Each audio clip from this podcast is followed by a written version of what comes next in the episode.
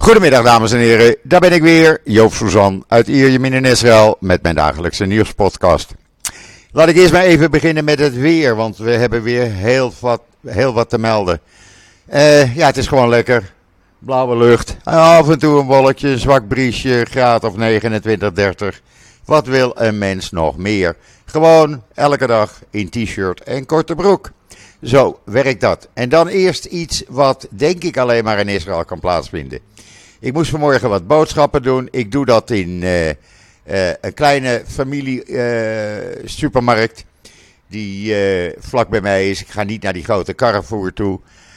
mensen kennen elkaar daar en altijd heel gezellig. En ze hebben ook alles en ze zijn niet te duur. En daar kwam een vrouw, toen ik eruit liep, kwam een vrouw met zo'n schoothondje naar binnen. En die vraagt aan de dame achter de receptiebalie: Kan je even op mijn hondje passen terwijl ik de boodschappen doe? Nou, dat was geen enkel probleem. Het hondje werd achter de balie neergezet. En de vrouw ging boodschappen doen. Hoe vind je die? Ik zie dat bij Albert Heijn niet gebeuren. En dan uh, wat ik in israelnieuws.nl heb staan. Er zijn op dit moment hevige gevechten nog gaande tussen de IDF en Palestijnen. Uh, in en bij Jenin.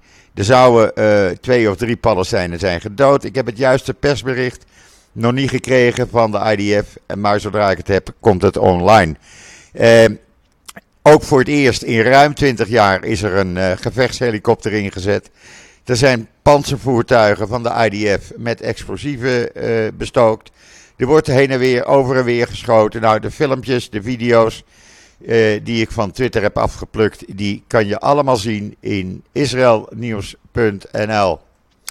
Waar je ook kan lezen dat het aantal Israëlische energietechnologiebedrijven ruim 230 is. Dat is bekendgemaakt uh, door uh, de Energietech-commissie van de Startup, National, Startup Nation. en ja, dat wordt geëxporteerd, de know-how. Uh, en dat blijft maar stijgen, het aantal bedrijven. Dat is natuurlijk heel goed voor Israël en voor die bedrijven.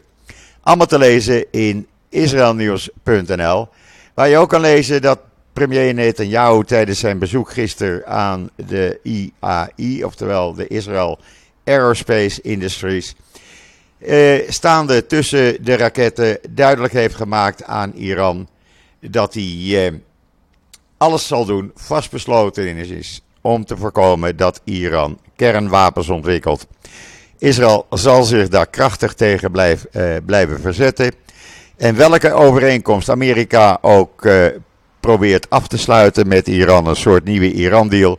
Israël zal daar niet mee akkoord gaan. En ze hebben dat, zegt Netanyahu, onze Amerikaanse vrienden duidelijk gemaakt. Nou, daar zal meneer Biden niet blij mee zijn, zullen we maar zeggen kan je lezen in israelnieuws.nl.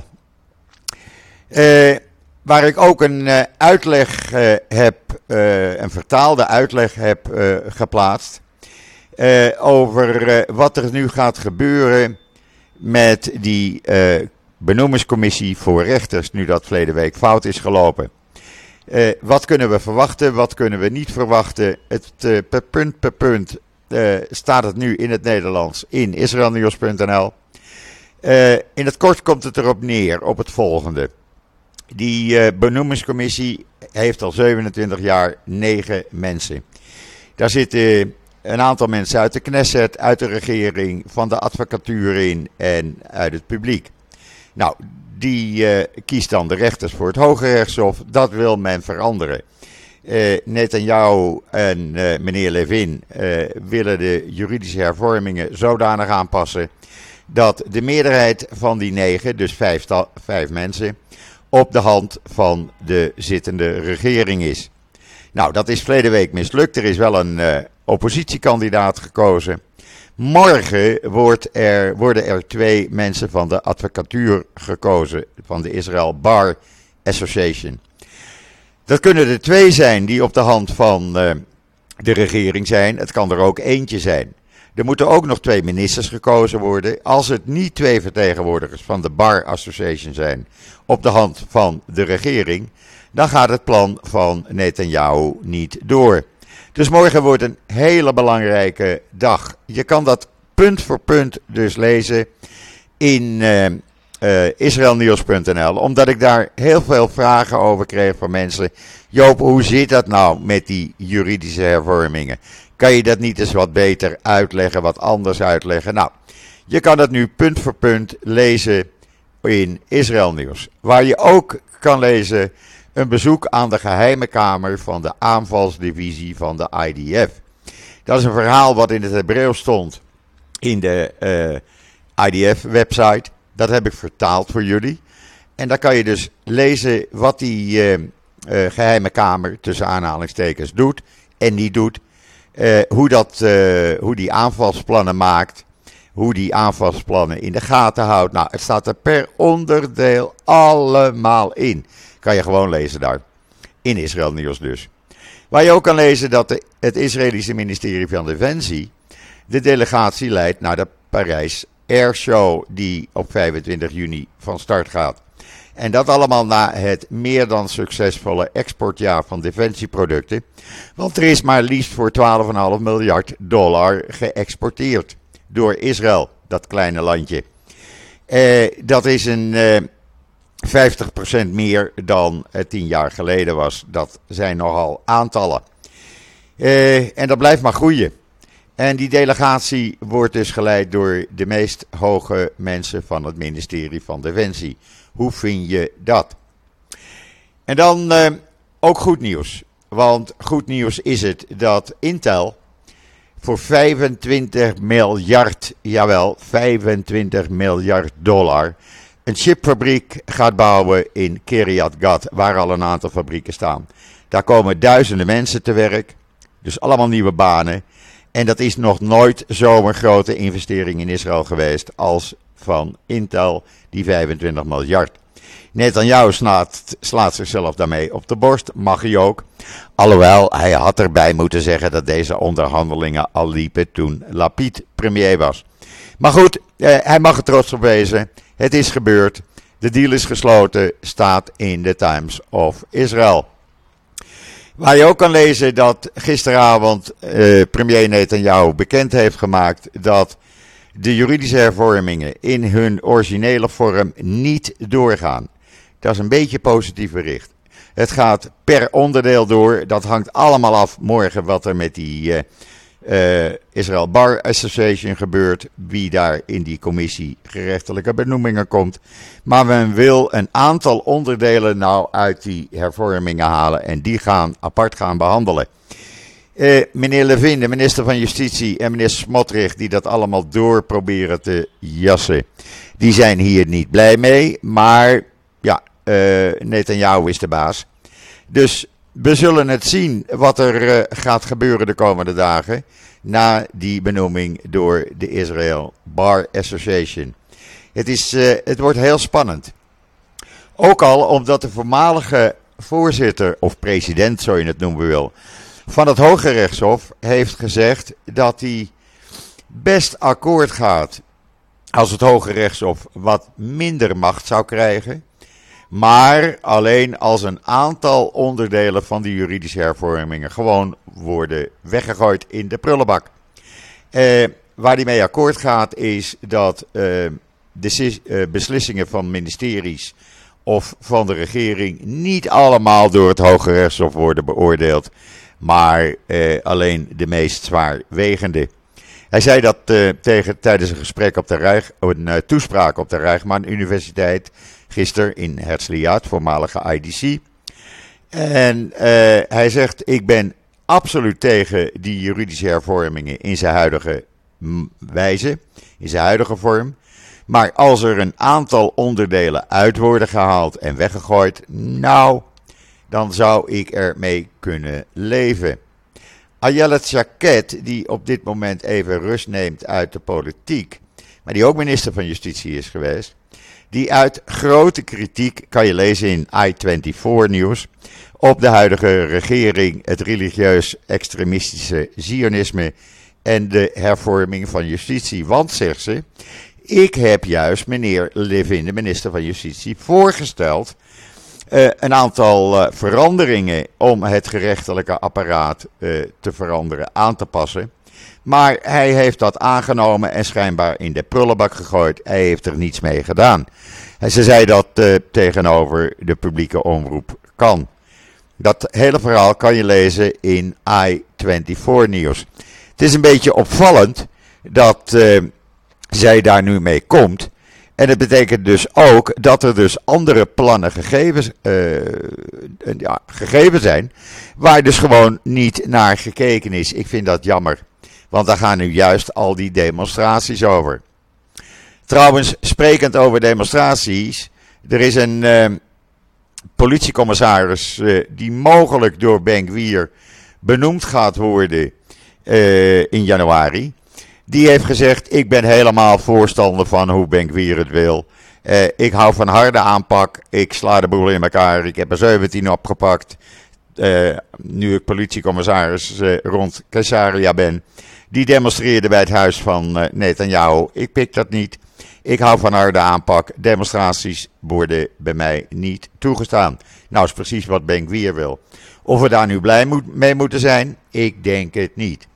Het Hoge Rechtshof trouwens, volgens de Times of Israel, is helemaal niet blij met de wet die Ben Gwier wil doorvoeren. Ja, daar is hij weer. Hij houdt niet op. Hij blijft maar in het nieuws.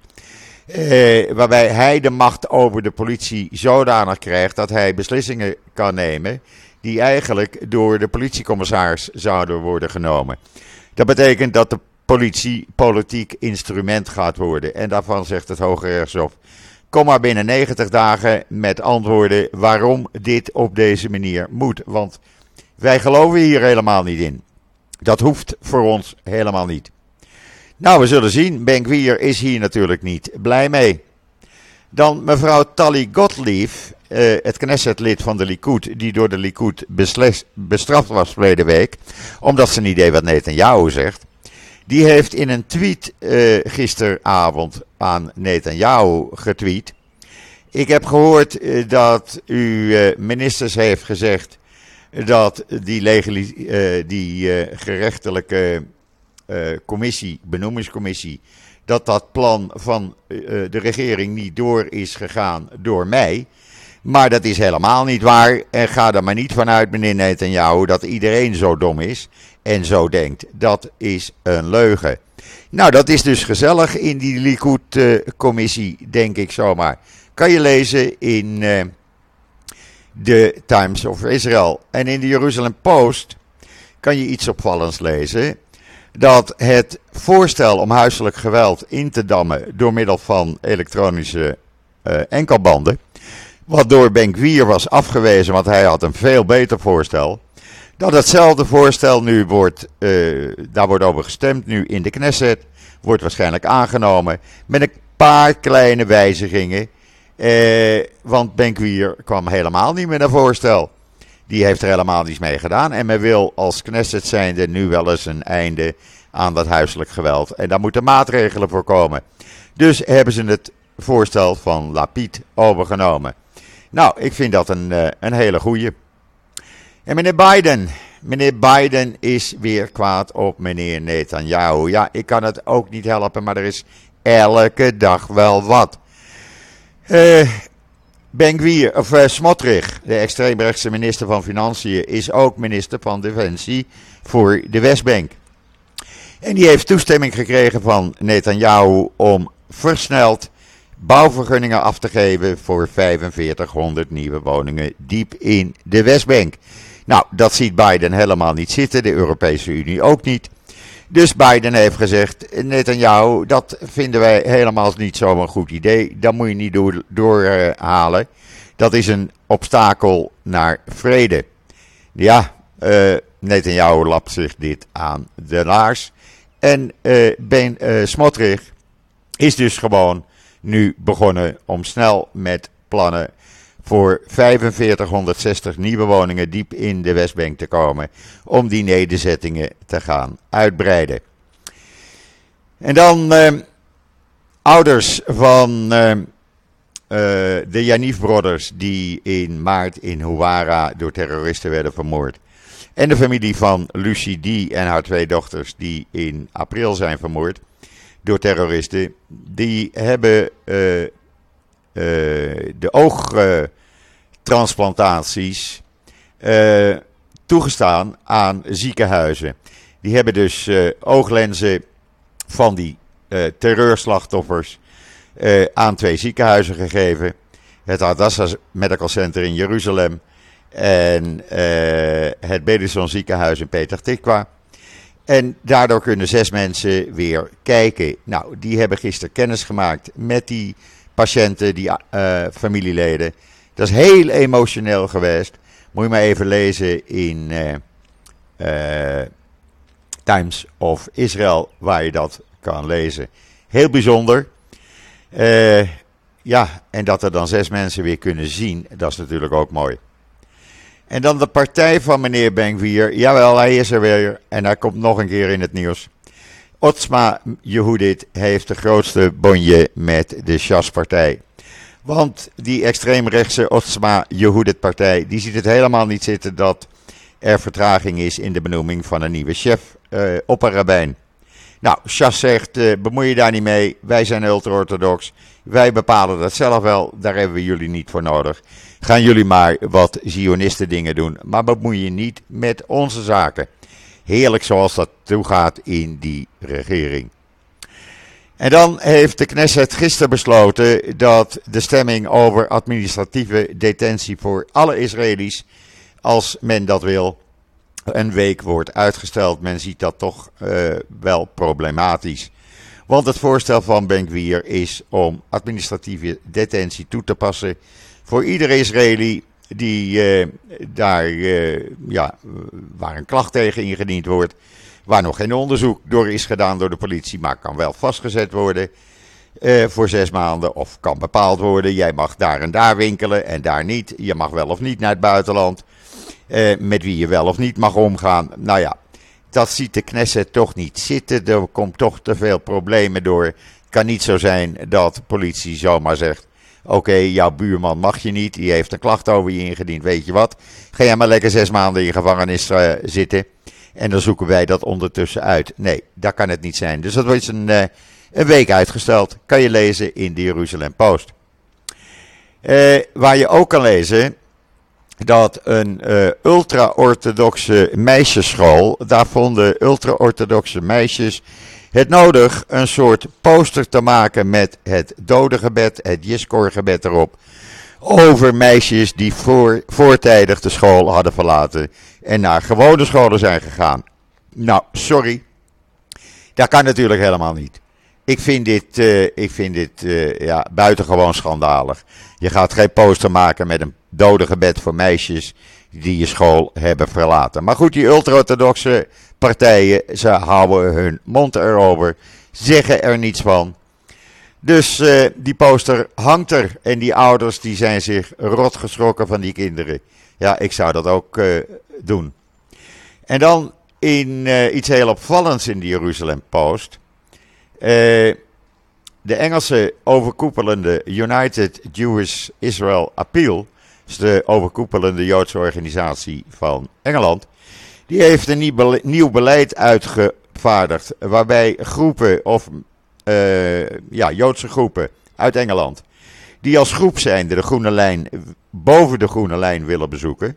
Waar ook de oude stad en de klaagmuur onder valt. Die moeten daar speciale goedkeuring voor vragen. Nou ja, sorry hoor. Dan ben je dus niet meer vrij om even naar de klaagmuur of de oude stad in te gaan. Moet je eerst toestemming hebben van de United Jewish Israel Appeal in Engeland. Ja, dat kan toch helemaal niet. Dan ben je niet meer vrij om te doen en te laten als je in Israël bent wat je wil. En dat was alleen maar omdat er vertraging was eh, met accommodatieproblemen rond de Dode Zee, Dode Zee toen uh, een Engelse beurtrijgroep in Israël was en uh, een aantal leden daarvan uh, één of twee nachten in kibbutz al mocht nabij de Dode Zee, grenzen aan Jordanië moest verblijven. Nou, dat was voorbij de groene lijn en dat vond men maar niks. Ja, sorry hoor, je kan het uh, nog moeilijker maken dan het is, maar dat slaat natuurlijk helemaal nergens op. En dan heeft het ministerie van Milieu na onderzoek uitgevonden dat van de 45 of 43 locaties waar elektronisch milieu wordt verwerkt, er 28 zich niet aan de milieuvoorwaarden houdt. Dus die milieuvervuiling gaat net zo hard door. Dat betreft dus milieu zoals batterijen, eh, eh, ijskasten, smartphones, lood, kwik, calcium, noem maar op. Eh, dat veroorzaakt nu 70% van de door afval veroorzaakte vervuiling. En door dat opruimen op die 28 milieuplaatsen gebeurt dat net zo erg. Ja, als je je niet aan de wetten houdt, dan maak je er gewoon een zootje van. En men gaat dus nu boetes tot 180.000 dollar opleggen als men zich niet aan de eisen, de voorwaarden houdt. Dan heeft meneer Ben-Gvir, jawel, daar is hij weer, want hij is minister van Nationale Security, eh, gezegd van twee eh, grenspolitieagenten hebben zich te gewelddadig gedragen tegen kolonisten gisteravond tijdens protesten. Ik wil dat deze voorlopig geschorst worden. Nou, daar eh, moest de politie aan voldoen. Deze twee mensen, je kan het zien op de video in het artikel in The Times of Israel. En ik vind het nogal meevallen. Die hebben wat kolonisten geslagen en een beetje hardhandig aangepakt. Nou, dat vindt Benkwier helemaal niks zitten. Want kolonisten zijn zijn eh, vrienden en maatjes. Dan mag je wel bij gewone eh, Arabieren of gewone Israëli's doen, maar niet bij kolonisten. Dus pak ze even hardhandig aan, politie. Nou, dat heeft de politie dan ook gedaan. Deze twee mensen zijn geschorst, een man en een vrouw. En zullen waarschijnlijk voor de rechter moeten komen door meneer Ben Ja, eh, wat moet je daarvan zeggen? Laat ik mijn mond maar houden.